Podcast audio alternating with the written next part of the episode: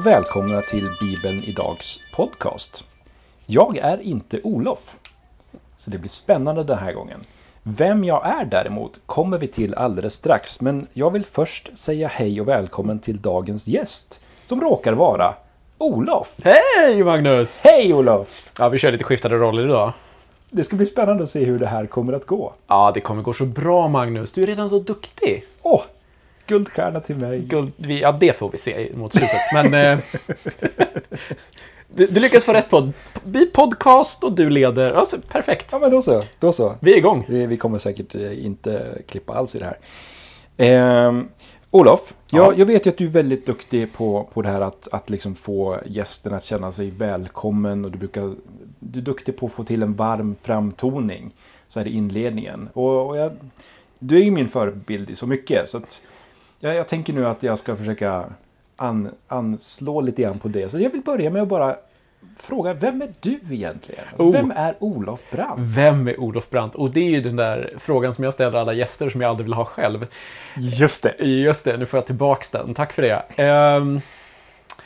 Ve- vad definierar Olof Brandt? Ehm, jag är en, eh, hoppas jag, bibelinspiratör.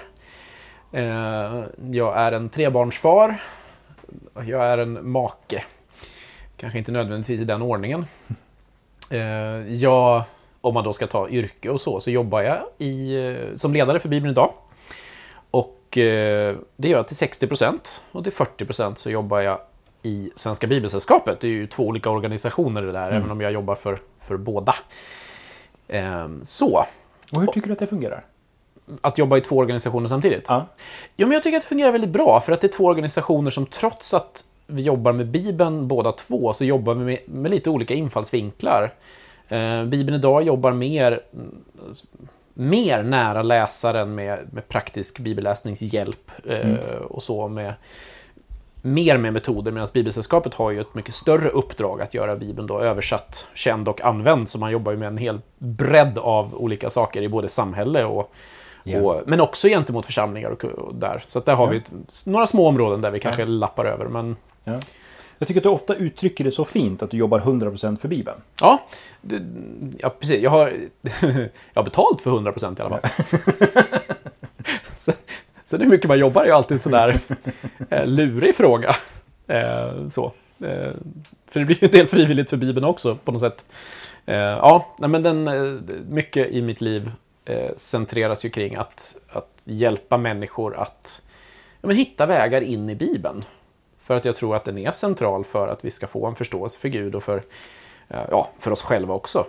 Eh, Så det är liksom det, på något sätt, ja, bästa, dokument, ja, bästa dokumentet är det ju, men också ett av de bästa sätten att lära känna Gud. Ja, Ehm, och det finns mycket där som jag tror finns att upptäcka. precis. Så. Men då hämnas jag. Haha! Jag kan inte låta bli att vara lite så här ändå. Magnus, vem är du då? Olof, det är, det är så roligt att få vara tillbaka i podden. Ja, välkommen! Tack! Det är alldeles för länge sedan. Jag heter Magnus och jag jobbar för Bibelsällskapet. Nämen! Närmare bestämt Bibelbutiken. Eh, så vi är ju kollegor eh, till väldigt stor del. Och jag sitter ju också i styrelsen för Bibeln idag för att krångla till det lite grann. Ja, jag har ju ändå någon form av insyn i den organisationen också och, och, och brinner väldigt mycket för den. Eh, och, och podcasten har jag ju på något sätt varit med och startat upp men sen inte kunnat vara med så mycket i. Eh, jobb och familj och allt sånt där ställer till det men det, det är jättekul att vara tillbaka. Eh, I övrigt så är jag också make och trebarnsfar. Eh, och, och trivs förbålt bra med, med livet faktiskt. bara bättre efter 40, eller hur var det? Allt är bättre efter 40. Okej, ja, jag ser Allt fram emot det. Okej. och, och vi sitter ju på samma ställe. Vilket är lite ovanligt. Ja, brukar vara ute och resa och jag brukar sitta på ett kontor. ja, det är sant. Nu är vi båda två ute och reser. Just det. Typ i närheten av dina hemtrakter. Det här är märkligt. Jag är tillbaka i Lappland Ja, för första gången på väldigt många år. Vi sitter alltså här på Lappis, Lapplandsfestivalen. Lapplandsveckan. Heter det Lapplandsveckan? Och det är du som är härifrån. Jag vet inte var det där kommer ifrån. Lapplandsfestival. Uh, Ja, men det är ju någon slags festival, okej då, jag säger det. Det är som Nyhem Norr. Alla säger lappis. Ja, det är sant. Det är det. Det står på skyltarna till och med. Just det. De får skylla sig själva. Ja. Och vi är här för Bibelsällskapet har utställning helt enkelt, men eh, smiter lite från våra uppdrag när det var lite folk och eh, kör en podd. Eh, du, du säger att du är bibelinspiratör och det tycker jag är ett sånt fint ord. Ja, det får väl med. sammanfatta lite grann vad jag sysslar med på något sätt, om man ska Ja. dra ihop det i ett. Ja. Så, ja. Eh, och, och det är också den rollen du nu kommer få, att, eh, få, få inta under den här podcasten, tänker jag. ja. Eh, för att jag skulle vilja prata med dig om Bibeln. Eh, och, och inriktningen är väl lite grann så här, jag ska försöka lägga en, en, en ramverk här. Att jag, jag tror på Bibeln. Eh, jag, jag tänker att Bibeln är Guds ord. Eh, jag tror att Bibeln är sann. Mm. Men ofta när jag läser den så kan det bli komplicerat. Det kan bli knepigt. Och, Mm, och, mm. ehm, det, finns, det finns mycket eh, som vi absolut kommer in på, men jag tänker att det är inte bara det narrativa, utan vi har poesin, och vi har ett bildspråk och eh, vad, vad ska jag göra med alla ordspråken och så vidare och så vidare. Så min önskan, kära vän, är att eh, du ska ta oss med på en resa där vi går genom Bibeln och den stora berättelsen som löper igenom den. Det ska vi göra. Och det kommer ta sin tid. Vi kommer få dela upp det här i många avsnitt tror jag. Ja, Ja, vi tar en lång, det är inte en långsam resa, inte som att läsa igenom hela, men vi, vi, vi tar tid på oss och vandrar igenom. Eh, absolut. Ehm, och det är intressant, jag, jag, som någon slags inledning till det vi ska göra, så tänkte jag på det du började med att säga där, med att du tror på Bibeln. ja, För, för jag skulle ju nästan akta mig för att uttrycka mig precis så. är det kanske ett dåligt ordval? Eller dåligt, det beror på vad du lägger i orden. Eh, Mm. För, för, för mig är det på något sätt ganska viktigt att så här, kanske i inledningen göra en skillnad. där. Jag tror på Gud. Mm. Och jag tror på, på Jesus och, och uppståndelsen och det. Och på grund av det så blir Bibeln viktig för mig på något sätt. Alltså, Mm. Jag kan- ibland uppleva att man nästan i, i, i vissa kretsar gör Bibeln till Gud. Så att säga. Jag, Okej. jag tror på Bibeln. Eh, Ah, okej. Bibeln som är, är liksom min... Nej, jag, Men vad, vad, vad tror du att man lägger i det då? ja, det var därför jag skickade bollen lite, lite sådär tillbaka. Ah. Vad lägger man i det? Men Ja. jag tror på det... Jag, skulle snarare säga så, att jag tror på det som står i Bibeln. Jag tror att mycket av det som står eh, är sant, precis som Mm. du säger. Eh, Även om det finns vissa delar som då, som du säger, är poetiska. Mm. Eh, Men det kommer vi mer in på. Eh, Men jag tror att det är viktigt att på något sätt lägga den så i starten. Nej, men jag, jag tror på Gud och Gud uppenbarar sig i Bibeln. Och Bibeln är viktig för att eh, den berättar om Gud, helt enkelt. Ja. Och vad Gud har gjort i världen och i historien och vad han har gjort för oss. Mm. Så. Mm. Ja, Och, och var, vart vill du börja? Jag tänker att vi måste ha någon form av, av kanske inte ram, men det behövs vissa förutsättningar. Mm. Man skulle kunna tänka så här. Vi ska ta oss igenom, ja, hela Bibeln är väl kanske kaxigt att säga, men vi ska, vi ska ta oss igenom den stora berättelsen. Och, vad, eh, och, och en, en god berättare ska väl först ge en översikt och sen gå på detalj och sen komma tillbaka till översikten. Så vi kan väl börja med någon slags Okej, översikt. Okej, ja, intressant. Eh, för jag tänker att Bibeln är en berättelse med en början. Och så löper den över liksom, en rät linje, om man nu kan säga så. Den har några höjdpunkter och sen har den ett mål. Och Ja. efter det kommer väl evigheten då kanske. Eller jo, det gör den ju. Men det är liksom inte en cyklisk berättelse, eller en, utan den, den, den har en, en väg framåt. Den kan vara Just lite det. snirklig och så, men och det gör också att jag tror att man kan placera in Bibelns texter i olika perioder och det kan man ju dela in i tusen olika sätt. Men ska man göra det väldigt enkelt så kan man ju dela in det i typ fem perioder eller någonting. Okej. Vi har den, de allra första delarna i, i skapelsen där Gud skapar och eh, allting är, är fint. Mm. Och sen kommer del två då vi får eh, där synden kliver in i världen, syndafallet. Ja. Ehm, och då får vi liksom en... Det, anledningen till att jag delar på dem i två, det är för att vi får nya förutsättningar. Okej. Det är liksom någonting nytt som händer. Ehm, Och sen kan man ju hacka upp det då mer om man vill. Vi har till exempel, eh, man kan lägga ett, ett till snitt någonstans eh, från Abraham till exempel, där Gud tydligt gör, han tar ett nytt steg. Innan Abraham så är det hela mänskligheten som han agerar med. Men nu Ja, börjar han agera utifrån det som då ska bli ett folk. Och sen har vi Guds agerande egentligen nästan hela Gamla Testamentet med folket. Israel, så. Eh, Men sen händer något nytt i Nya Testamentet. Gud kliver in i världen. Och då har vi hela tiden där, där Jesus vandrar med människorna som en period. Okej. Som får helt nya förutsättningar. Då har Gud klivit in i världen. Och sen har vi den sista perioden. Och det är efter pingsten. Okej, ja, ja. Och det är då den femte, om vi nu... eh, Det, vi kan lägga till evigheten som en sjätte efter Jesu återkomst då, men... Men just den där femte perioden, det är ju den vi lever i, i något sätt. Vi lever i pingstens tid. Passar ju bra när vi är på lappis. Eh, faktiskt. Pingst. faktiskt. Ehm, så, och, och, och Och, du, och du menar att i alla de här perioderna så, så förändras förutsättningarna för oss människor? Ja. Och hade vi levt i, eh, om vi säger då Abraham och, och det gamla testamentet som är den största delen av gamla testamentet, så hade vi haft en viss typ av förutsättningar. Och när vi lever nu så har vi en annan typ av förutsättningar. En väldigt spännande tanke. Och jag tror att det kommer visa sig lite grann när vi läser här framöver va- varför jag tror att det här är viktigt. Ehm, för vi kommer hoppa in i de här olika ju. så, längs vägens gång här. Eh, och, och du menar då att, att det här... Vi behöver ha med oss det när vi läser specifika texter. Ja, det tror jag. Mm. Det blir så mycket lättare att förstå tror jag, om vi, om vi ser att vissa texter är givna i en viss tid till vissa människor och vissa saker gäller kort och gott inte oss. Okej? Vi kan ta ett jättelätt exempel Ja, som inte blir så känsligt. Jättegärna. Ehm, när Jesus då, period 4, om vi nu numrerar Ja, dem, ja. Jesus går omkring, det händer ett under, och så säger Jesus, berätta inte för någon.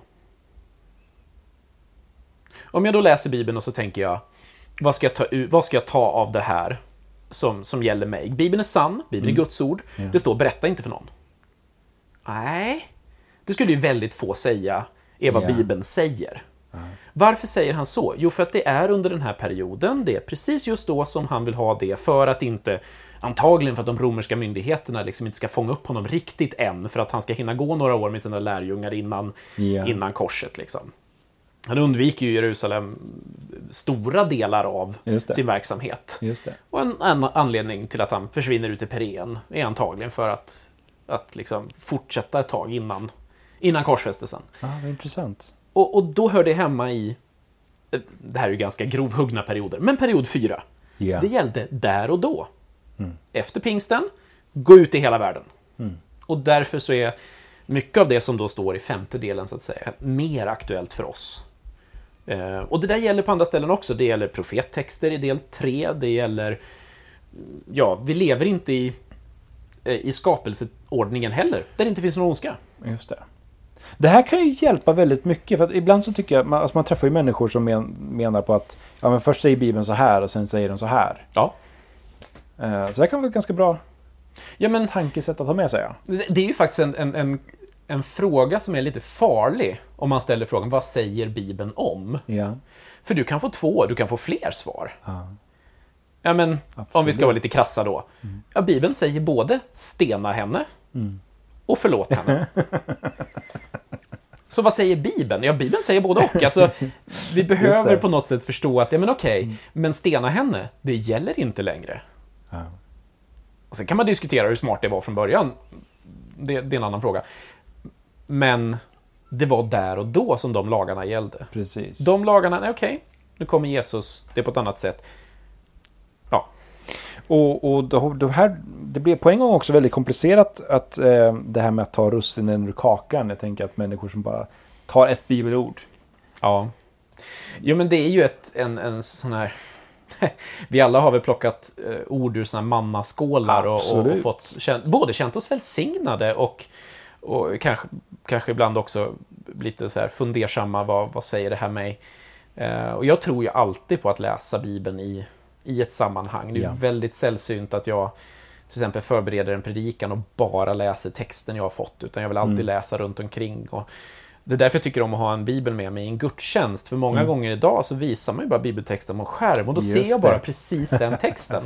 Vad händer före? Vad händer? Alltså, jag tror att det är väldigt viktigt. Ja. Ehm, bara för att göra en sak klar. Ehm, sen tror jag att Gud absolut kan välsigna och väcka saker i oss med enskilda verser. Jag tror inte det är fel. Men jag tror att om man ska, vad ska jag säga, göra teologi av det, Ja. eh, bygga kyrka på det, då måste vi vara mer noggranna ibland.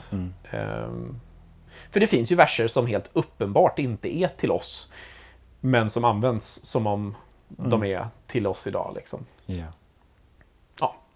Intressant.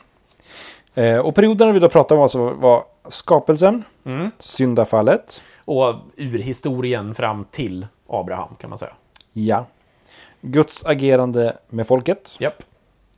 eh, Jesus, Gud kliver in i världen, Japp. och efter pingsten. Ja, och sen har du evigheten då. Ja, som nummer sex. Som nummer sex blir det ju då. Men vi har ju inte så mycket om det. vi har ju Uppenbarelseboken, men eh, det, det är ju mer... Det är ju svårare att säga någonting om, om, om, del 6. Så. Ja. Vad spännande. Då börjar vi eventuellt med, med skapelsen då. Ja, men vi får väl göra det. det så här, från början så. Eh, absolut. Eh, och Bibeln börjar ju med skapelseberättelsen, eller skapelseberättelserna. Det är ju... Det repeterar ju liksom där. Det är ju två, två skapelseberättelser. Ja. Eh, och eh, Gud skapar världen, han skapar människan och han skapar människan till sin avbild. Till att, ja, vad är det de ska göra? Jo, de ska föröka sig, sprida ut sig och ta hand om skapelsen och underförstått göra det här tillsammans med Gud. Mm. Eh, har du... eh, Åh, vad heter boken, Magnus? Hjälp mig. Eh, skapelseboken.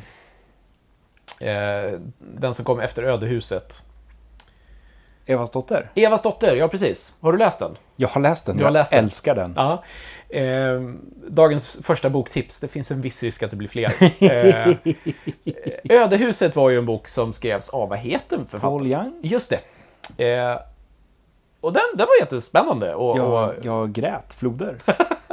den är så bra. jag varnade dig för att inte läsa den på tåget. Jag läste den på tåget Ja. och jag grät i offentligt rum. och Det var inte trevligt. Det var jobbigt. Ja, det, den, den kan vara Den ganska... fantastisk. Den kan vara, eh, precis. Eh, Jag fick en helt annan syn på, på Guds förlåtelse och Guds kärlek. han Alltså, lyckas träffa en del strängar där. Verkligen. Ja. Han har ju skrivit en bok till då, för det är väl en, ja precis. Ja. Eh, Evas dotter, som då eh, bearbetar skapelsen på ett ganska science fiction-aktigt sätt nästan. Jag skulle säga poetiskt. Poetiskt kan vi säga. Eh, och, och, och den tycker jag ställer en hel del intressanta frågor till den här berättelsen. Till exempel, hur lång tid har vi här? Ja. Hur länge är de? Alltså, Bibeln, och det ska man vara medveten om, är ju skriven av skickliga författare. Ja. Och de här författarna vill någonting. De vill att vi ska veta någonting, men det verkar som att de vill att det finns vissa saker vi inte ska veta också. Varför är Bibeln så full av avsaknad av detaljer? Eh, jag tror att det, det finns någonting väldigt viktigt här. Det är inte så att de här författarna misslyckades. Det är inte så att de glömde att skriva ut i vilken ordning saker hände, eller ja, det gjorde de, skrev i vilken ordning saker hände, men jag tror att de medvetet lämnar ganska mycket åt fantasin. För att det finns någonting i den hebreiska poesin och skrivsättet som gör att du ska sugas in i berättelsen. Ja. Du ska ställa frågor till dig själv. Du ska möta texten och inte få alla svar skrivna på näsan. Ja. Alltså mycket av den personlighetsförändring som jag tror Bibelns författare och därmed Gud vill få till ska ske utifrån att ibland får du inte reda på vad som är rätt och fel. Ibland måste du ställa frågan till dig själv. Ja, men tycker jag att de här personerna agerar rätt eller fel? Och hur länge var det? Det kanske inte ens är intressant. För att det är inte det som är fokus här. Fokus är, skulle jag då säga, människan är skapad i Guds avbild, att ta hand om skapelsen och göra det här tillsammans med Gud. Men människan är inte nöjd med det. Och det kommer ju nästa. Då. Ja. nästa steg här. Just det. Jag, jag har ju bilden här av en, av en kreativ, skapande gud. Ja, absolut. Som älskar att uppfinna saker och bara... Här slänger vi upp berg och... Så. Men jag, jag tänker mycket, mycket av våran kreativitet kommer från det här. Alltså som sagt, vi är Guds avbild. Ja. Jo, men jag, jag är helt övertygad om, om att, att, att det vi ser i skapelsen här av kreativitet absolut är en väldigt viktig del av Guds person. Ja.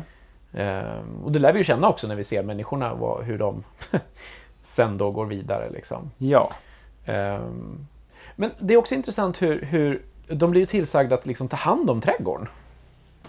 Och det betyder ju också att det alltså inte är en oföränderlig plats. För Den är inte statisk. den är inte statisk, utan och hur, huruvida det fanns höst och vår, det kan man ju kanske fundera på. Det, det är ju en rolig tanke. Eh, huruvida saker förmultnade och dog och så vidare. Just det. Eh, men, men om... Oh, här hälls kaffet upp nu. Nu ska vi orka hålla på länge. Vi laddar. Vi laddar. Fanns det kaffe i, i paradiset, tror du? Alltså, jag tycker att... eh, Åh, vad heter han nu då? Vår kära vän Tom Wright uttrycker det så bra. Ett av de stora undren när det kommer till, eh, till Paulus och alla hans resor. Han gjorde det utan kaffe. Ja, det är sant. Så det fanns ju kanske inte kaffe i paradiset då. Nej. Nej, men man kan ju fundera här på, och det tycker jag är en väldigt viktig fråga. Och det är ju, varför gör Gud det här? Mm. För om han nu är den som Bibeln beskriver så är han ju allvetande. Han vet att det här kommer gå åt skogen. Och gör det då alltså ändå. Han gör det ändå. Och jag, jag tror att det finns en, en, en väldigt så här kärleksfull och viktig poäng i att Gud gör det här för att han älskar. Alltså Gud i sig beskrivs ju som treenig.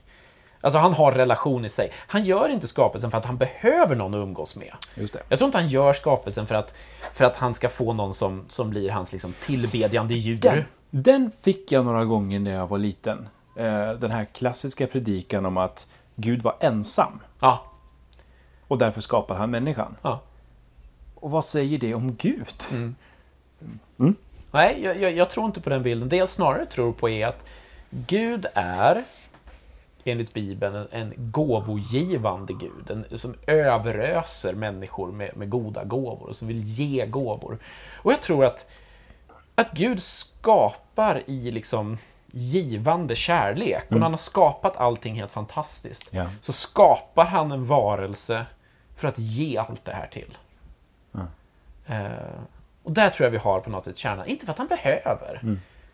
Han är perfekt. Han är i, i, i sin treenighet redan någon slags pågående rörelse av kärlek. Utan Perfekt. perfekt. Gud är perfekt. Mitt i allt det här så skapar han, medveten om det brustna hjärta det kommer innebära för honom på, på distans här. När han kommer bli tvungen att ta hand om allt det här igen. Ah, Men det är värt det. ah. Och han kommer att behöva styra upp det gång efter gång efter gång. Det kommer jag behöva offra en del. Som du redan har varit inne på. Människan hamnar alltså i det här paradiset. Mm. Men är inte nöjd. Nej. Där tycker jag ju C.S. Lewis har en alldeles fantastisk... Alltså, han har ju en tri trilogi av science fiction-böcker. Eh, och den andra boken där heter ju Perelandra, va? Ja. Och i den så beskrivs en ny skapelse. Och hur man möter då motsvarande Eva. Eh, och hur, hur hon får... Hur huvudpersonen försöker förklara för Eva då hur, hur, vad ondska är. För det här är en värld som ännu inte har fallit. Precis, det är liksom i det första Ja. stadiet här. Ja.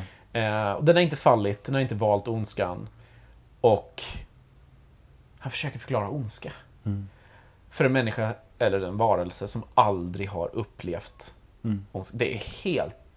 Den, den tycker jag kanske är den bok som, boktips två, eh, som på något sätt har, har fått mig att tänka på syndafallet på, på, på djupet på ett nytt sätt.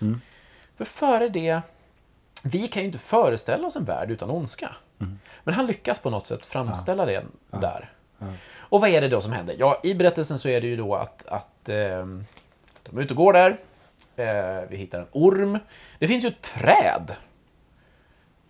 Som de inte får äta av. Och vad gör det trädet där? Det är ju en viktig fråga. Och den har kristna teologer ställt sig i 2000 år. och Före det så har judiska teologer ställt sig den i säkert 4000 år. Eh, ja, sammanlagt alltså. 2000 år. Eller ja, när de nu fick sina skrifter. Men nu ska du komma med det slutgiltiga svaret. Ja, nej. Eh, jag, jag tror ju att det har att göra med den fria viljan. Ja. Alltså, och det här har, den fria viljan har att göra med att Gud är en älskande Gud. Och han vill ge oss möjligheten att älska honom tillbaka. Och det kan inte forceras fram. Det kan, kärlek kan aldrig vara du måste älska mig. Då blir det inte kärlek, då blir det lydnad bara. Och jag tror att det där trädet måste finnas där för att valet att låta bli måste kunna finnas där. Eh, Jag tror att det har att göra med det. Det kanske inte är hela förklaringen, men för mig är det en nyckel till att förstå trädets varande där. Och här är ju ett typexempel på ytterligare hur, hur författarna lämnar detaljer ute. Vi får aldrig reda på vad ormen gör där. Nej. Hur kom ormen dit? Varför finns ens ormen där? Varför kan inte bara trädet finnas där? Har Gud satt ormen där? Har ormen rymt? Var kom ormen ifrån? Alltså, alla de här frågorna, de, jag brukar ibland säga det att, att Bibeln är skriven för människor, den är inte skriven för änglar. Eh, och den förklarar väldigt lite av det här. Och vi står där och kan få leka med tankarna om vi vill, men vi får inga riktiga svar. Det vi vet, det som står, är att, att ormen lockar människan. Och vad är det ormen lockar med? Inte skulle väl Gud ha sagt. Ja, det kommer. Ska vi se om vi kan få fram det här lite snabbt. Ja, precis. Vi har ju faktiskt våra biblar framför oss här. Jag är så glad att jag har en bibel i, i handen. Ormen var listigast, kapitel 3. Av alla vilda djur som Herren Gud hade gjort. Han har alltså gjort ormen. Det är föga förvånande eftersom ormen inte är Gud. Den Men, men texten poängterar det, Ja, absolut. vilket är väldigt, väldigt viktigt. Ja. Den frågade kvinnan. Har verkligen Gud sagt att ni inte får äta av något träd i trädgården? Han börjar med att ljuga. Han ljuger en sån här fin vit lögn. Han vet ju svaret, det är klart att nej, vi får äta av frukt från träden, säger kvinnan. Men, om, men om frukten från trädet mitt i trädgården har Gud sagt, ät den inte och rör den inte, gör ni det kommer ni att dö. Ormen sa, fullt sanningsenligt, återigen, ni kommer visst inte att dö. Men här brukar man ju då poängtera att vi pratar om två olika slags Ja, död här. Precis. För ormen svarar ju antagligen helt sanningsenligt med att de kommer inte dö den fysiska döden. Överleva. Ni kommer överleva. Men splittringen, den någon slags, vad ska vi kalla det, andlig död, Ja. kommer ju av det här. Och det vet ju ormen mycket väl om och det är det ormen vill få till. ja. Men sen kommer det som jag tror är den absolut största grejen för oss. Och någonting som följer oss i hela resten av berättelsen. För vad är då grejen då? Men Gud vet att den dag ni äter av frukten öppnas era ögon och ni blir som gudar. För vad handlar det om? Jo, det, I jämförelse med resten av skapelsen. Fast de är ju nästan som gudar i jämförelse med resten av skapelsen, för de har fått hela skapelsen. Alltså, de kan klara sig själva. De kan slippa Gud. De blir självständiga individer utan Gud. Så min gamla kollega eh, Martin brukar säga ungefär så här när han pratar om det här att de ställs inför valet Guds kärlek eller sätta mig själv först. Ja. Och de väljer att sätta sig själva först. Ja. Upphöja sig själva till gudar. Och i det så bryter det. När de gör det valet vänder, vänder Gud ryggen så att säga. Och säger jag ska klara mig själv. Och här är också intressant att, då att författaren framställer ju det här som att det här lurar ju nästan inte ormen dem. Utan de, de, de väljer det här. ja. Och så då med kunskap om gott och ont. Och det, det, jag tror att det där trädet är väl kanske, som jag brukar säga, världshistoriens mest missförstådda träd. För oftast så kallar vi det kunskapens träd, kort och gott. Ja. Som om Adam och Eva före trädet var dumma som sågspån. Ja, precis. och sen åt de av precis. trädet och då blir de smarta, Ja. upplysta. Men det är ju inte det det står. Utan det är ju just kunskapen om gott och ont som är grejen här.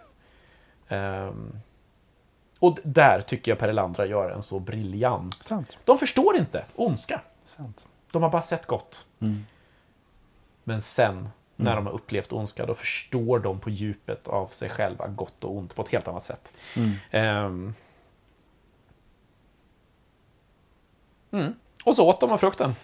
Och deras ögon öppnades. Och de ser att de är nakna. Jaha. De kanske var dumma för ändå. Eller? Nej. Nej. Men, men eh, det är intressant. Alltså vad, vad är det som... För att det innebär ju också en, en splittring gentemot varandra. Ja. Precis så. Eh, plötsligt skäms de. Mm. Det blir fel. Och där tycker jag ju att Evas dotter, spel, alltså hon, den, det är ju en roman och det är ju inte bibel, men jag tycker den romanen broderar ut just den delen Ja. på ett ganska bra sätt. Man får en Absolut. känsla för den här splittringen som Ja. kommer till. Liksom. Ja. Ehm, Får jag helt skamlöst bara poängtera nu att både Evas dotter och Ödehuset går att köpa till otroligt bra priser via bibelbutiken.se. oh yeah! Absolut. Ehm, Skönt att du inte sa nej. Jag klipper det sen. Lägger in en sån här stort pip. Bara. Nej, jag tycker inte alls att det är ett problem att du nämner det. För att Tack. eh, Bibeln idag håller sig mer till ren bibel. Nej. ja, men de, de skäms för varandra och Ja. de skäms inför Gud. Ja. Och det som förut har varit en naturlig relation Mm. får en tveksamhet och en, en insådd misstänksamhet. Mm. Eh, och jag har så många gånger, alltså det här är ju, ska, det är så, ro, det är så roligt egentligen, alltså Bibeln är ju full av humor om man bara letar lite. När Gud kommer gående där, den allvetande guden kommer i trädgården. Adam, Eva, var är ni någonstans? Ungefär som man leker kurragömma med en treåring. Är de under bordet? Nej, det är de inte. Är de bakom häcken? Nej, men titta. Där är ni. Och så kommer de fram och säger att de är nakna och allting går åt skogen. Och jag undrar, vad hade hänt om de bara sa, vet du vad, Gud, förlåt. Ah, ja. Vad hade tänker hänt? så. De Vi får inte- säger inte förlåt. Nej, nej, nej, nej. Just det. De inte bara inte säger förlåt, utan mannen svarar Kvinnan! Men han stannar ju inte där. Som du har ställt vid min sida. Han skyller på Gud. Ja. Och här, Vad spännande. Jag har inte tänkt på den. Vad hade, vad hade hänt om de hade sagt förlåt? ja.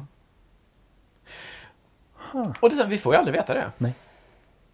Det, det, ja, det hade kanske sett väldigt annorlunda ut. Eller så hade de ätit av frukten en annan dag igen och så hade det fått Ja. samma spinn. Vad, vad vet vi? Ja. Ehm, ja, och sen ja, börjar en ny tid. Där lämnar vi den eh, första perioden alltså. Ja. Nu, nu blir det andra förutsättningar. Och Gud uttrycker ju de förutsättningarna med, med det, ni kommer få slita och ni, alltså. Men det här är så intressant. Mm.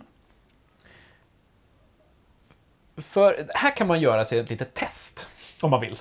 Ja. Eh, ta de här texterna, eh, där Gud då, som, som det står, förbannar. ja. Ehm, till kvinnan sa han, till exempel, vers 16 i kapitel 3. Stor ska jag göra din möda när du är havande, med smärta ska du föda dina barn. Mm. Du kan pausa podden om du vill. Läs den texten för dig själv. Vilket tonfall säger Gud den här texten med? För det säger väldigt mycket om hur din gudsbild är. Ah, du tänker I de här så. texterna. Just det. Låter han arg eller är han bedrövad? Eller? Är det ett krossat hjärta som nästan Mm. gråter ut orden?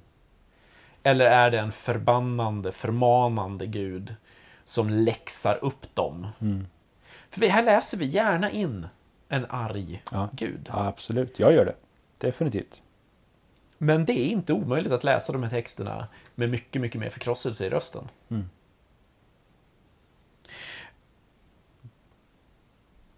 Och jag tycker det är så, alltså en sån här bara... Ja, men hur känner Adam och Eva efter det här? De får lämna trädgården, de får lämna den här eh, fantastiska platsen. Mm. Men, men redan i kapitel 4 så får Eva, ja, och Adam såklart, barn. Mm. Och vad säger Eva? Jo, jag har gett liv åt en man, Kain, med Ja. andra ord, med Herrens hjälp. Mm. Alltså, de lämnar Gud, men hos dem, det är inte så att Gud är borta. Utan Gud är självklar för dem. Gud ger den här gåvan. Alltså, det, det finns kvar i dem, den här goda guden. Det, det, det är inte totalt brott på något sätt. Även fast de har fått hela den här, eh, då, Ah. vad som kommer att hända. Så jag, jag kanske läser in en för snäll gud ändå, jag vet inte. Men hos mig är det mer en förkrossad gud som talar. En gud där, det här är vad som kommer hända nu. Ehm, Som inte säger nu ska jag hämnas så att, utifrån det här, utan han berättar konsekvenserna. Precis. Ja. Ehm, och sen är det också så här, det här är, alltså, och det, det har vi med oss hela tiden. Det här är skrivet i en helt annan kultur än vår. Alltså, vi kan reagera på de här texterna som vassa. Ja. Jag har ingen aning om hur en jude för 3000 år sedan läste de här texterna. Alltså, uppfattas det här som argt, vasst, eller är det här... Alltså, är det här en älskande gud? Det, vi måste också på något sätt komma ihåg att det här är översatt till oss från texter som är skrivna i annan kultur. Ja. Det kan också vara så att de här texterna är menade att vara vassa. Det må, vi måste ha den brasklappen med oss när vi läser. För att vi, Ja. kan, vi läser in med våra egna glasögon. Och det gäller egentligen med all bibelläsning. Jajamän. Oh ja. Och därför ska vi inte vara för tvärsäkra i ett sånt Mm. uttalande. Jag säger att jag läser in en förkrossad gud här. Ja. Men jag kan inte säga att... Jag kan inte med tvärsäkerhet säga att så måste du tolka den här texten. Mm. Eh, Den öppenheten måste jag ha inför all bibeltext. För att jag är inte jude för 3000 år sedan. Eh, Jag sitter på lappis 2018 och försöker förstå det här. Ja. Ja. Mycket intressant. Intressant också, en sån här detalj. När får hon namnet Eva? Jag tänkte på det nu. Efter syndafallet. Ja. Efter hela den här harangen. Vers, vers Och- 20. Och Adam är den som ger henne namnet. Japp. Och sen en annan sån här rolig detalj. Vi ska inte fastna i detaljer, men eh, 21. Gud ger dem den första teknikuppgraderingen. Herren Gud gjorde kläder av skinn åt mannen och kvinnan och klädde dem. Ja. Gud som just har sagt försvinn härifrån. Ni kommer få det tufft. Vad gör han? Han klär dem. Ja, men de här löven, hörni. Hallå! Och, och, och det här är också intressant, för skinn, Ja, vad kräver det? det implicerar liv. Liv, Djur av något djur, slag. någonting har dött här. Ja. Var kom det ifrån? Det gör de en intressant sak i Evas dotter av, för övrigt. Ja. Eh, men eh, det är svårt att läsa in här. Men det är, det, och det är också då en konsekvens av syndafallet. Att nu, Konsekvens av, eller alltså... Eller en markering, alltså man kan läsa det på många olika sätt. Alltså det här är ju det är så rika texter Ja. och du kan nästan lyfta ut vad du vill av det. ja. det kan ju, Gud kan ju säga, klä dig i skinn här, sluta vara vegetarian. ja, just det. Du kan ju få ut det av den här texten utan Men, problem. men jag, jag tycker att det är en otroligt vacker bild, måste jag ändå säga. I vilket fall. I vilket fall. Och inte bara Gud gjorde kläder åt dem, Nej. utan han klär dem. Ja. Den är väldigt vacker. Här, ni ska få lämna, men Ja. jag ska göra er tillvaro lättare. Ah. Ni ska få riktiga kläder, så här kan ni göra. Han ger dem en kunskap ändå. För jag menar, det här har de aldrig sett för. Nej. Gud ger dem ju, ja men okej, så här kan ni göra kläder. Mm.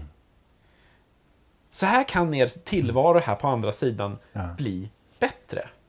Alltså Guds omsorg lyser ju Precis. mellan raderna här, men vi missar den för att vi reagerar på de här, den här starka, ni kommer att få lida. Mm. Men det, det skiner igenom hela tiden tycker jag. Mm. Och därför läser jag in en bedrövad Gud snarare än en förbannad Gud. Det här är så spännande för att jag, jag har ju läst den här texten massor med gånger. Men jag tycker att jag hittar nya saker bara utifrån att vi faktiskt sitter och diskuterar det här också. Och den hebreiska författaren är supernöjd. Varför saknas det massa detaljer? Varför skrivs det inte på näsan på oss? För att det här är en del av vad den här texten är till för. Ja. Vi ska ha det här samtalet. Ja. Så den som Wow. skrev vänder sig någonstans i sin grav lycklig. vänder sig i sitt grav. Det är så konstigt uttryckssätt. Ja, okej. Ja.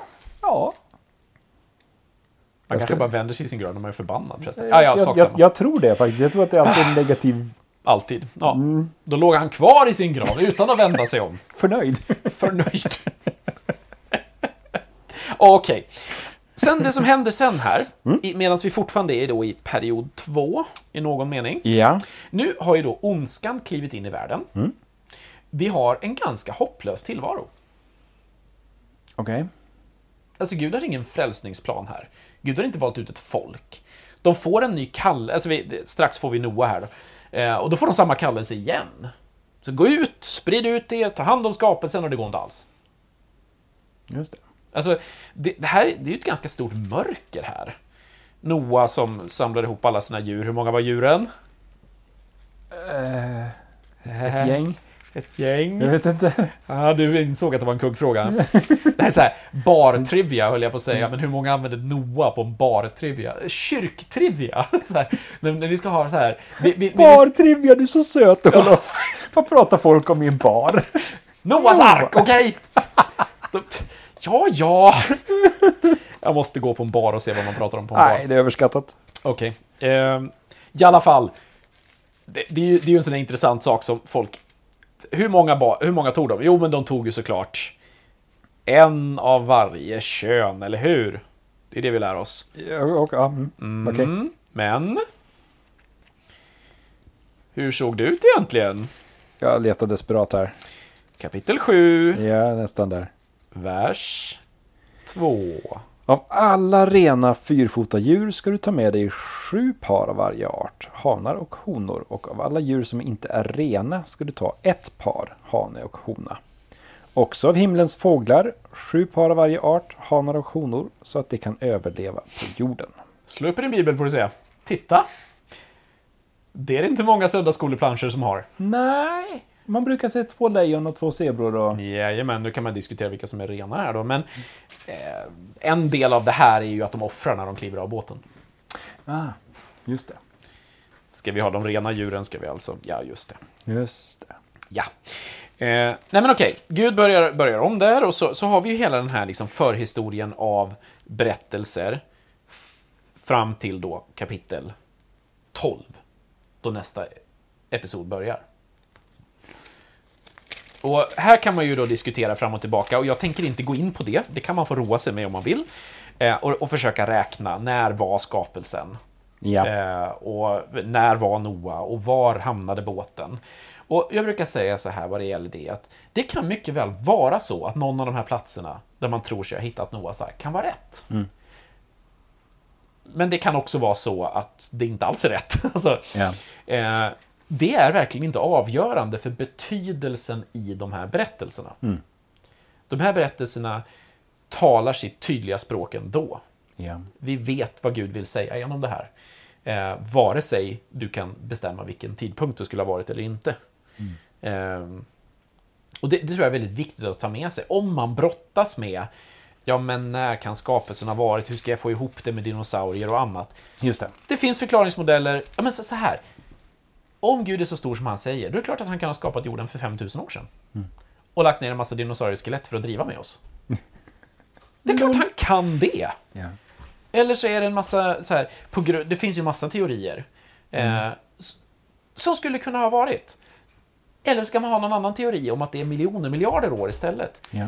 Och på något sätt, om man fastnar i den diskussionen och den blir trosavgörande, då har man hamnat snett. Mm. För det som skapelsen betonar är ju just människans plats i skapelsen. Och, och att Gud har skapat. Och att vi är hans avbilder och att resten av berättelsen handlar om hur Gud vill nå oss. Ja. Och det är det viktiga. Sen kan vi roa oss med detaljer. Mm. Och det, det är bra, viktigt. Gör det, om ni tycker det är roligt. Eh, För oss hobbynörd-teologer som tycker det är kul att prata. Ja, men precis. Och, och jag skulle gärna kunna ha liksom, både många och långa diskussioner och jag, och jag har inga problem med dig som kristen om du står i ena eller andra lägret. Mm. Så länge du på något sätt accepterar att, ja men okej, det finns olika vägar här. Ja, precis. Eh, jag vill inte sätta ner foten och säga så här måste du tro för att det är den enda tolkningen. För att jag tror inte det är så enkelt här. Mm. Och, och, Det, det är som du redan har varit inne på också. Eh, det, det är en väldig massa saker som texten utelämnar. ja, Och jag tycker det är en väldigt intressant tanke att tänka att det är medvetet. det tror jag helt säkert att det är. Eh, det är jag mer säker på än mycket av det andra. Ja. Men det är ju det är en, rolig, det är en rolig tanke att ta med sig till den där baren och ställa frågan till människorna runt omkring där. Hur tänker ni kring det här? Ursäkta, det men Noah. Nu när ni inte hade koll på att det var sju djur, sju par, 14. Så... Ehm, ja. Ehm, annars så är ju hela den här inledningsdelen har ju många bra namnförslag om ni nu ska få barn. Um, regu eller serug eller us och bus och... Us och bus tycker jag är fantastiskt. Ja, Det, det är ju inte här, men jag är ju ett stort fan av admin också. admin är bra. Det är släkttavlan. Eh, För alla som någon gång har sysslat med en hemsida så låter det jätteroligt att admin finns med i Bibeln. Det är bibliskt att vara admin. Eh, Ja. Nu snöar vi in på detaljer här. Ja, eh, så vi går raskt vidare. Eh, så vad, vad är det som, nu, nu, hur hamnar vi i Noa helt plötsligt? Det gick lite fort där. Ja, det kommer därefter. Okej, kort och gott. Ja, men vi har ju, alltså, de växer upp, de rör sig ut över världen. Ja, Det tycks finnas städer de går till. det, det går ju väldigt snabbt där. och som sagt, det är det. väldigt mycket vi inte får veta. Japp, precis så är det bara. Okej, jag, jag, jag lämnar det. Men, men vad är då grejen med Noa? Eh, vad, vad är det Gud säger? Med alltså själva berättelsen i stort. Ja, Att han eh, vill rädda mänskligheten undan ondskan. och ondskan har, har blivit för stor Ja. i, i människornas hjärtan. Han måste börja om. Ja. För att, för att ondskan har tagit över. Alltså, jag brukar säga det att, att, att det Gud gör i syndafloden är ju att rädda mänskligheten. ja. Äh, vi bara, han kunde ha struntat i det här experimentet och bara haft änglar. Eller börjat om med, med andra, skapat någon annan fyrfota konstig sak som har horn och ser ut som någonting annat och gjort den till att älska honom. En annan jord, helt enkelt. En annan planet. Ja, kanske det. Ehm, för nu har du planterat en tanke i mig, som jag nu vill återkomma till. Oh, shoot. Eh, ska man då kunna tänka likadant här? Alltså när Herren pratar med Noa. Måste han låta arg? Nej, nej. Eller kan vi tänka att han är bedrövad? Oh ja, Hjärtekrossad här också? det tror jag. Ja, men jag tror att det är en, en, en del av det. Ehm, och sen finns det alltså, så här, vi kommer inte kunna gå in på alla, och vi kan ju säga det med en gång att den här serien, det kommer vara ett långt samtal, vi delar upp det i flera poddar, eh, eh, kommer att skapa en del frågor antagligen hos dig som lyssnare.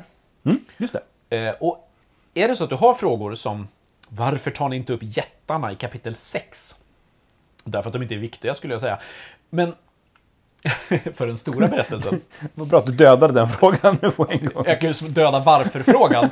Men är det så att du känner att ja, men här finns det någonting som jag alltid har funderat på. Så hör av dig. Det kan ju vara så att jag, jag är absolut inte expert i kapitel 6, eh, 1 till 4, det vill säga jättarna. Ja, men då tar vi med oss den frågan till någon som verkligen kan det här. Och så har vi höstens alla poddar planerade. Jättebra. Det blir många diskussioner. Eh, nej, men jag, jag tror att vi får göra så att vi kommer släppa ett antal saker bara. Ja. Och gå vidare och säga, är ni intresserade så hör av er så får vi ta dem. Och så, så kan man borra ner sig. För nu ska vi ha den stora berättelsen som vårt mål. Ja. Ja. Och det Så vi- vore jätteroligt om ni hörde av er. Fr- snälla fråga inte om jättarna. Någon kommer ju skriva fråga om heterna. Magnus. Jag kommer skriva frågan om getarna. Hej! Det, det är Sundgam Wineyard. Mm. Jag kommer ta bort det mejlet om du skickar det, Magnus. Kapitel 12 var vi. Kapitel 12. Det händer så mycket i första Mosebok, om man nu är orolig för att den det här är- tar för lång tid. Den är packad. Ja, alltså, verkligen. Alltså för så mycket av förståelsen för hela Gamla Testamentet och sen egentligen Jesus Ja. ligger ju i de första, liksom, första Mosebok här. Ja. Ehm, Verkligen. alltså när vi gör ett bibeläventyr i skolan eh, så är det delat på 3 gånger 90 minuter. Ja. Och typ första 90 går åt åt första Mosebok. Åh, det är så pass. Ja, för det är så mycket berättelser. Och så mycket som är liksom centralt för allting annat. Ja. Ehm, så det, det är därför vi kommer stanna här ett tag. Wow. Vilken Ja. tur att det är podcast, för att ni kan ju bara pausa när som helst. Kliva av eh, löpandet och, och, och lyssna vidare. Vi, nu ska vi in i epok 3. Där lämnar vi alltså uh, syndafallet. Ja, det gör vi. Ja, så, så eh, period nummer tre, Guds agerande med folket, börjar med Abraham. Ja. Här händer någonting. Mm. Här byter Gud taktik. Kan man säga. Ja. För fram hit så har han ju agerat med hela mänskligheten i någon mening. Alltså, Noa, Ja. hela mänskligheten. Eh, Babels torn, det är liksom människorna som skickas ut i nationer. Det, Nu däremot så går han ju in och så väljer han en familj Mm. som ska bli en släkt, som ska bli ett folk. ja. Och genom det folket så ska det hända någonting. Hmm.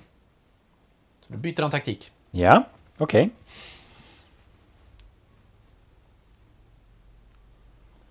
Och, och vad sa du? Eh, det här innebär nya förutsättningar. Ja, Precis.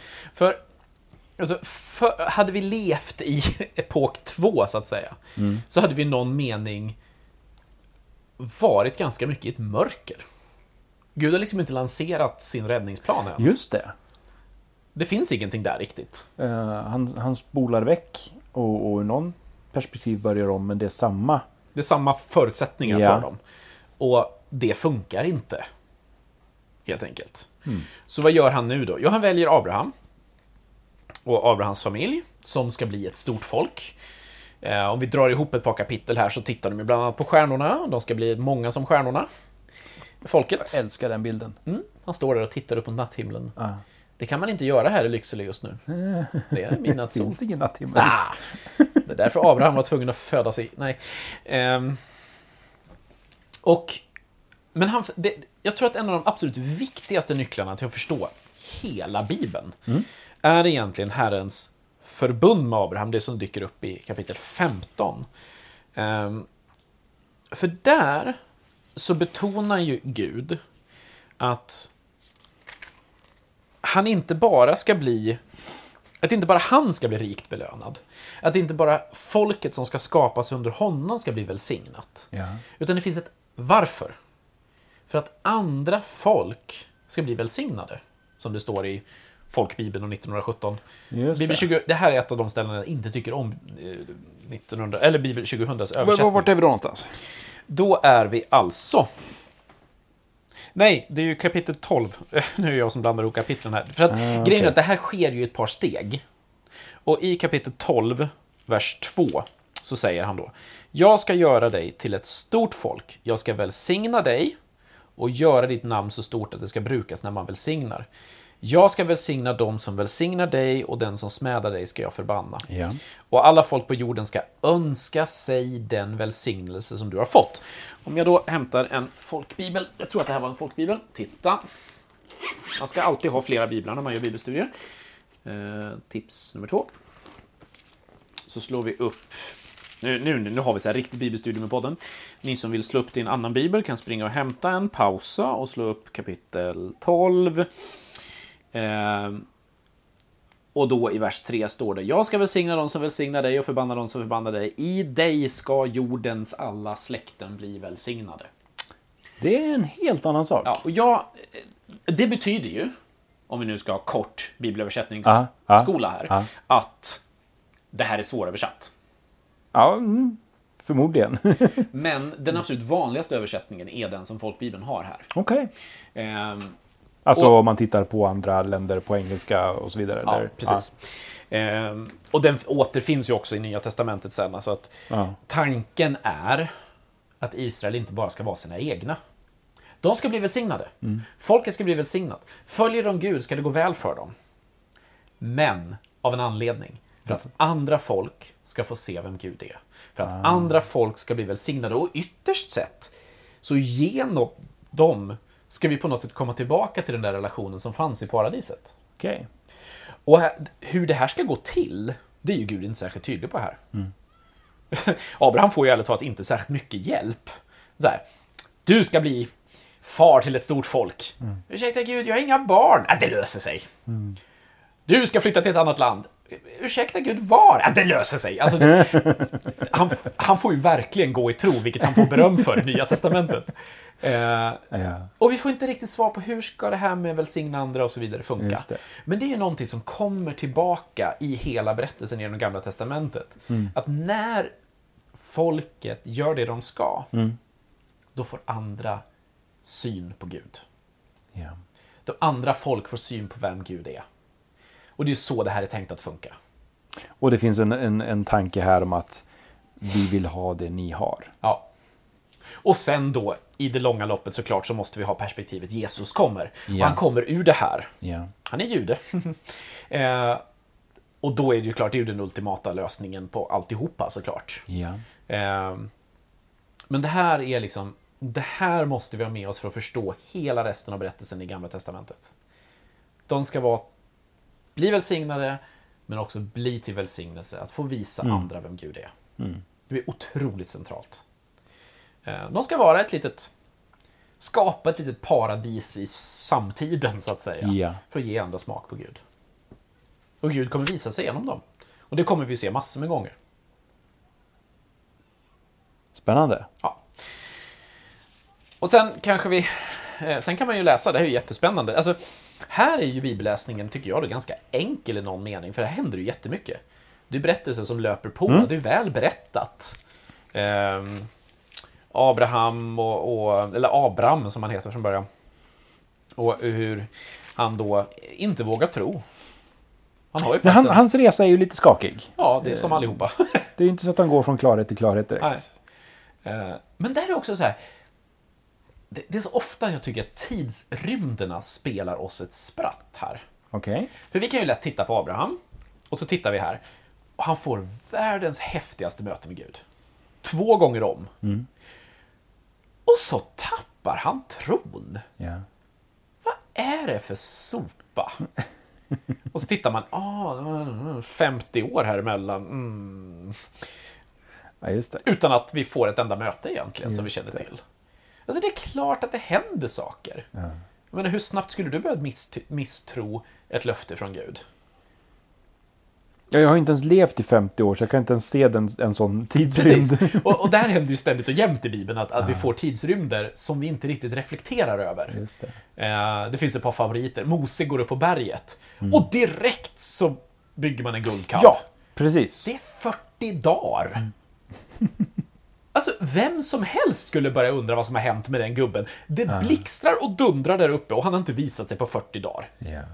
Det är klart att man skulle behöva börja liksom fundera över vem ska ta över. Vi måste göra någonting, vi måste hitta på någonting. Liksom. Och lite samma sak här. Alltså jag, det här är människor och det är ju en styrka i Bibeln tycker jag. Att det är människor som du och jag, vi kan känna igen oss i det här.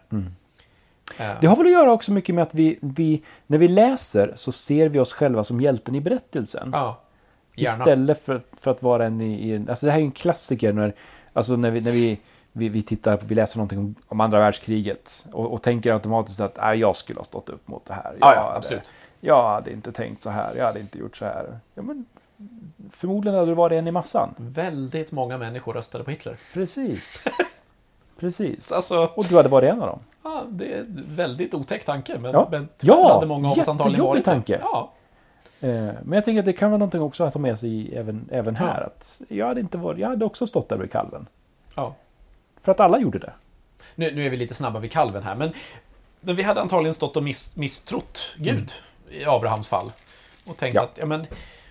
Så vad gör Abraham och Sara? Jo, de tar tag i det själva. Ja. Gud verkar ju inte fixa det här. Så, Vi, vi hjälper Gud på traven. ja.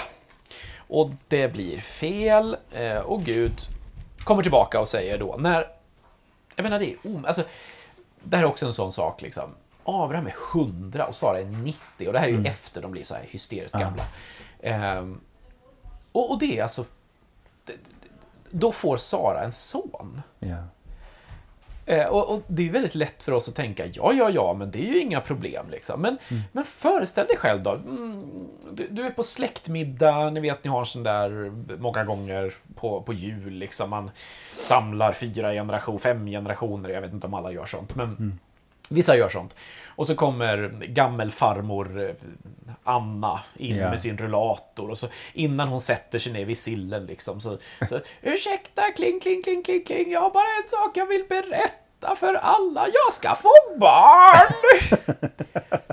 Nej, kära tant Anna, du, det, det är inte, det händer inte. Jag menar, det här är lika befängt. Och det är ju, en, det är ju poängen i berättelsen på något sätt. Att, att Gud väntar tills det är omöjligt och så väntar han lite till.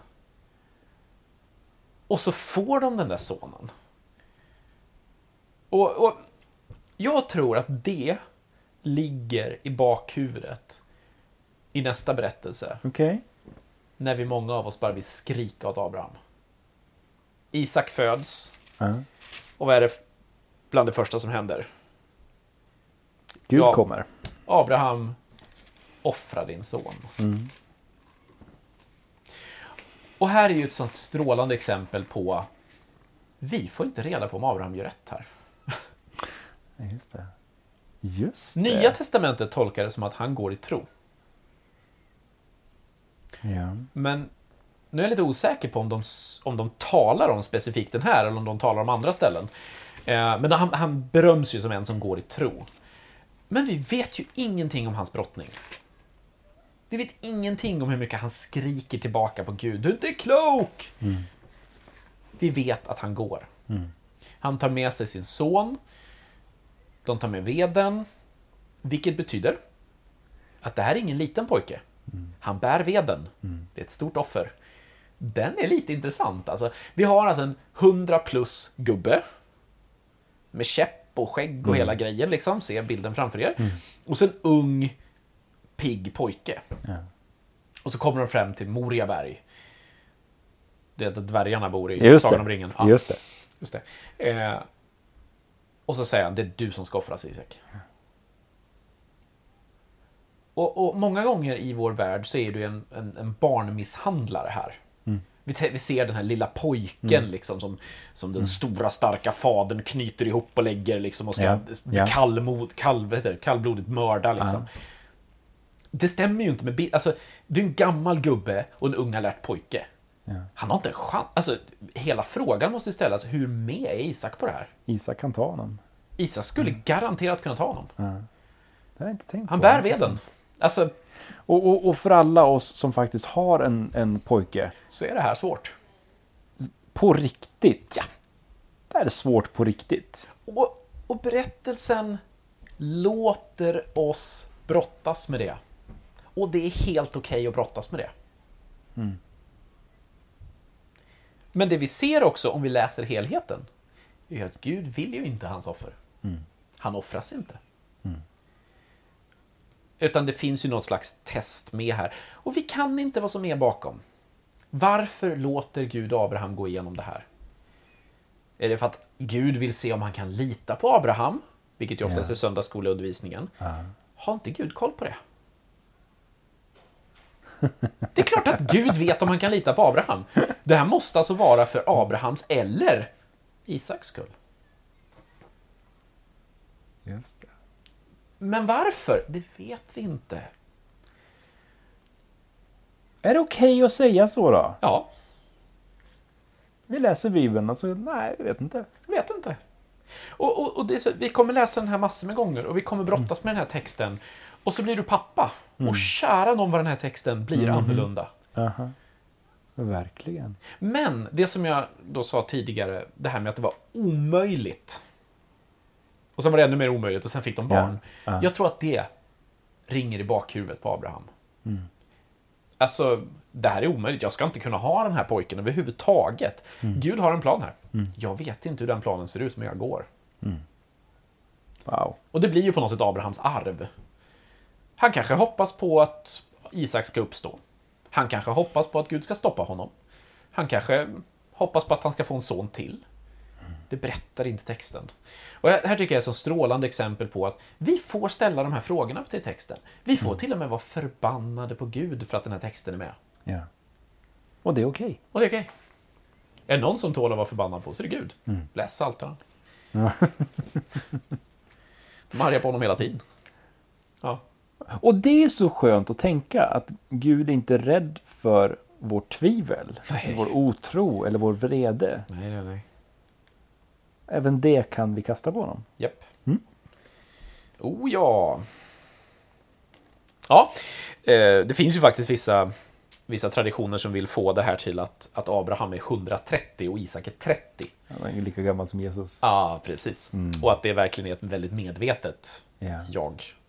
Jag-offer. Liksom. Ja. Men vi, vi, det här är ju typiskt Gamla Testamentet egentligen. Det öppnar sig massor med möjligheter här. Och vi måste läsa det tillsammans med andra texter. Vi kan inte rycka isär den. Och, vi, och eftersom vi är kristna vill vi gärna se också vad säger Nya Testamentet om de här karaktärerna när det finns. Och där så talar ju, eller karaktärerna, det här, den var fin. Om de här personerna.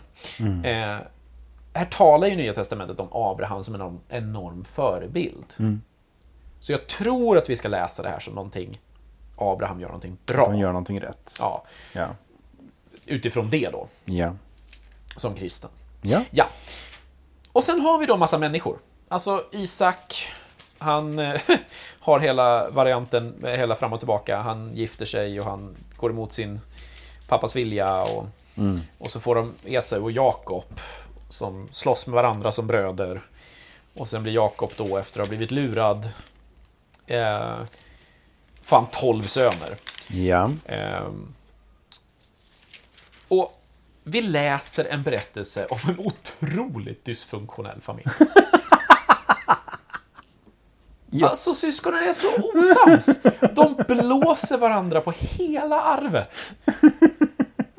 Och, och, och föräldrar som är, alltså Jakob som favoriserar en av sina yngsta bara för att det är sonen till hans favorithustru. Ja.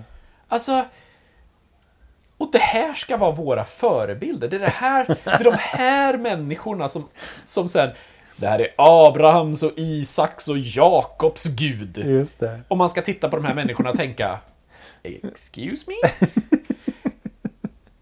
Okej!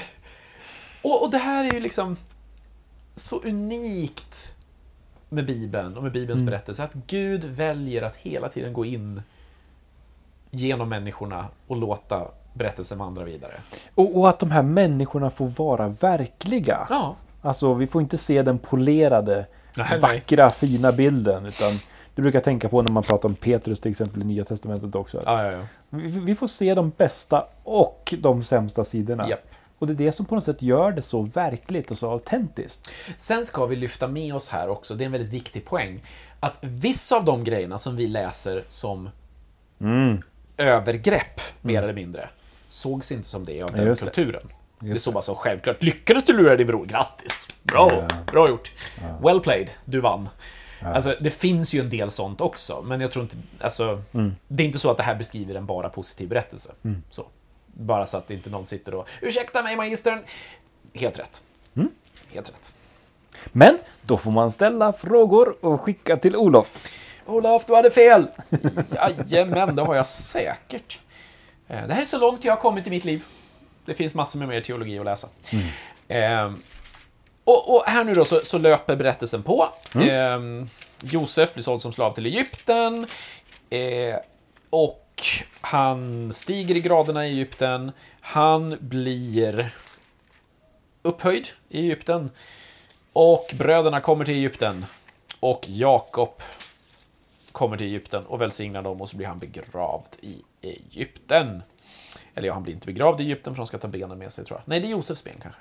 Jag minns inte. Någons ben ska bäras ut. Jakob dör i Egypten. Japp. Ja. Pappa Jakob.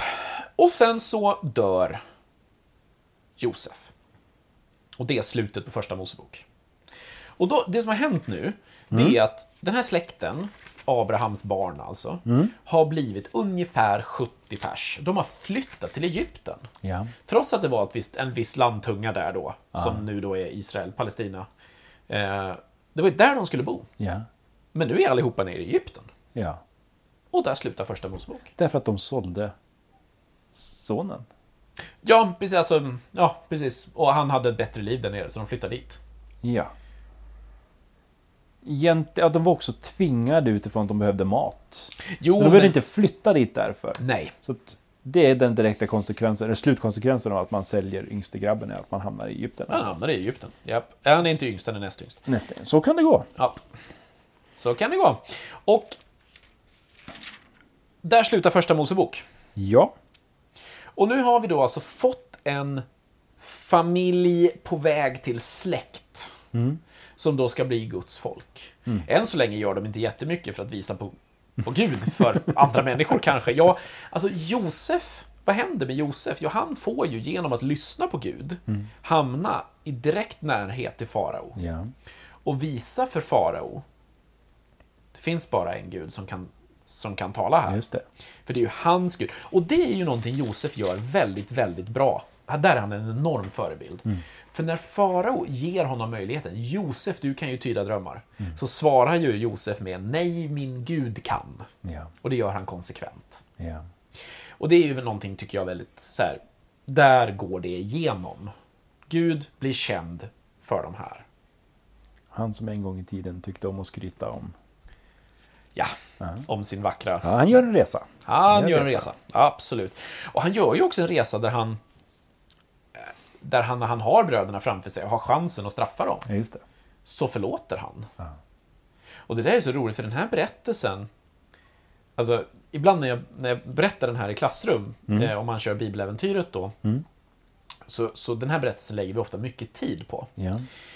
Eh, och jag brukar berätta den så här, jag tar upp elva bröder, eh, ja, plus Josef, Ja. och så frågar jag klassrummet, är det så att ni har syskon? Ja, okej. Eh, har ni någon gång varit med om att ert syskon har fått mer än er? Och om du bara visste hur orättvisa svenska föräldrar är. Det är fullständigt haglar av, du vet, dyrare iPhones, finare nej. cyklar, bättre kläder, Åh. större veckopengar. Ja, men allt, vet du. Det är fullständigt kaos. Och så mitt i det här får man liksom bryta. Så, Oj, oj, oj, oj, nu ska jag berätta för er om en pappa som var riktigt orättvis. Och så tar jag upp Josef och så säger jag att han får en mantel. Bröderna, åh, vad ska vi få? Nej, nej, nej, nej, manteln var jättedyr. Jag har bara, jag har bara det här till dig liksom. Eh, och, och bröderna, de måste vara ute och jobba. Och Josef, han har drömmar. Han, han ser liksom hur elva stjärnor ska buga sig för en större stjärna. Ja. Och allt det här säger jag till klassen. Och Ja. idag, det är ju typ ingen i ett vanligt klassrum som har hört den här berättelsen. Det är så. Alltså. Men det där, det är allt de behöver. För att sen kunna återberätta berättelsen. För det jag gör sen, det är att jag skickar ut bröderna Ja. på fältet och jobba i klassrummet. Ja. Och så säger jag till Josef, gå och kolla till dina bröder. Och så smiter jag i förväg till bröderna och så frågar jag bröderna, hörni, här kommer Josef, vad ska ni göra med honom? Och förslag nummer ett, hundra gånger av hundra, är vi dödar honom. Wow. Ganska ofta är det någon som kommer på, nej, nej, nej, det är vår bror, vi kan ju inte döda honom. Nej, säger jag, här har ni en tom brunn. Ohoho, säger de, vi slänger ner honom. Och, och, nej. och när jag bara ger dem ledtrådarna, Ah. här kommer några köpmän. Vi säljer honom! Alltså det, det är Wow. fullständigt naturligt för dem. Eh, när man ger dem liksom de, några ledtrådar. Ja. Och, och så Josef han blir såld som slav till Egypten för några pennor och sudd liksom. Och så, vad gör ni sen då? Vad ska ni säga till pappa? Ja, ibland kommer de till och med på idén att ta manteln, ha sönder den och bloda ner den och komma hem till pappa och säga "Åh, Stackare, vet du vad? Nej, kolla på manteln. Kära någon. Och varför? Jo, för att de här berättelserna, det handlar om människor. Ja. Människor var väldigt lika vad människor är Ja. idag. För 4000 år sedan också. Det djupaste mänskliga. Precis, det här finns liksom. I en tioåring idag. Och i bröderna då. Eh, och det här har ju, alltså jag vet, jag tror att det var, jag tror att det var här i Lycksele till och med. Eh, med risk för att jag har fel nu, men någonstans här uppe i, i Norrland i alla fall. När de hade varit där med bibeläventyr och, och berättat de här berättelserna, så tog det här läraren så hårt att när de skulle ha kompisvecka, Ja. någon sån här temavecka några veckor senare, Ja. så tog de Josef-berättelsen som tema för hela veckan. Åh! För den hade så många delar av avundsjuka, Ja. av stridighet, av förlåtelse. Förlåtelse inte minst. Eh, så, så de liksom vad tog, tog med sig det, för att den här berättelsen är så stark i sig. Liksom. Ah. Och det här är en, inte en kristen friskola, utan Mm. en kommunal, vanlig skola som bara behövde en berättelse. Ja. Ah. Och där kan ju de bibliska berättelserna, de når människor för att de handlar om människor. Mm. Också, liksom. Det, det, det är en del av Bibeln som är så fantastisk. Ja. Eh, ja, Åh, vad läckert. Nu har vi grannar här, hör jag. Eh, det kanske inte hörs i podden, och i så fall så var det Vi hoppas att det inte hörs i podden. Det är Kul, ni kan eh, försöka klippa bort oss om ni är ljudtekniker och lyssna på vad grannarna säger. Eh, Men, men och, och här slutar som sagt första Mosebok. Ja, och då misstänker jag att vi har traskat iväg den här podden i ungefär ja, en, och, en, en timme någonting. Ja. Eh, Så eh, det är väl ett perfekt tillfälle att bryta och, och, och alla går och kissar och så laddar man i nästa podd om en vecka eller någonting. Tipptopp. Tipptopp. Behöver du kissa, Magnus? Ja, det är bra. Det är bra, okej. Okay. Ses vi snart.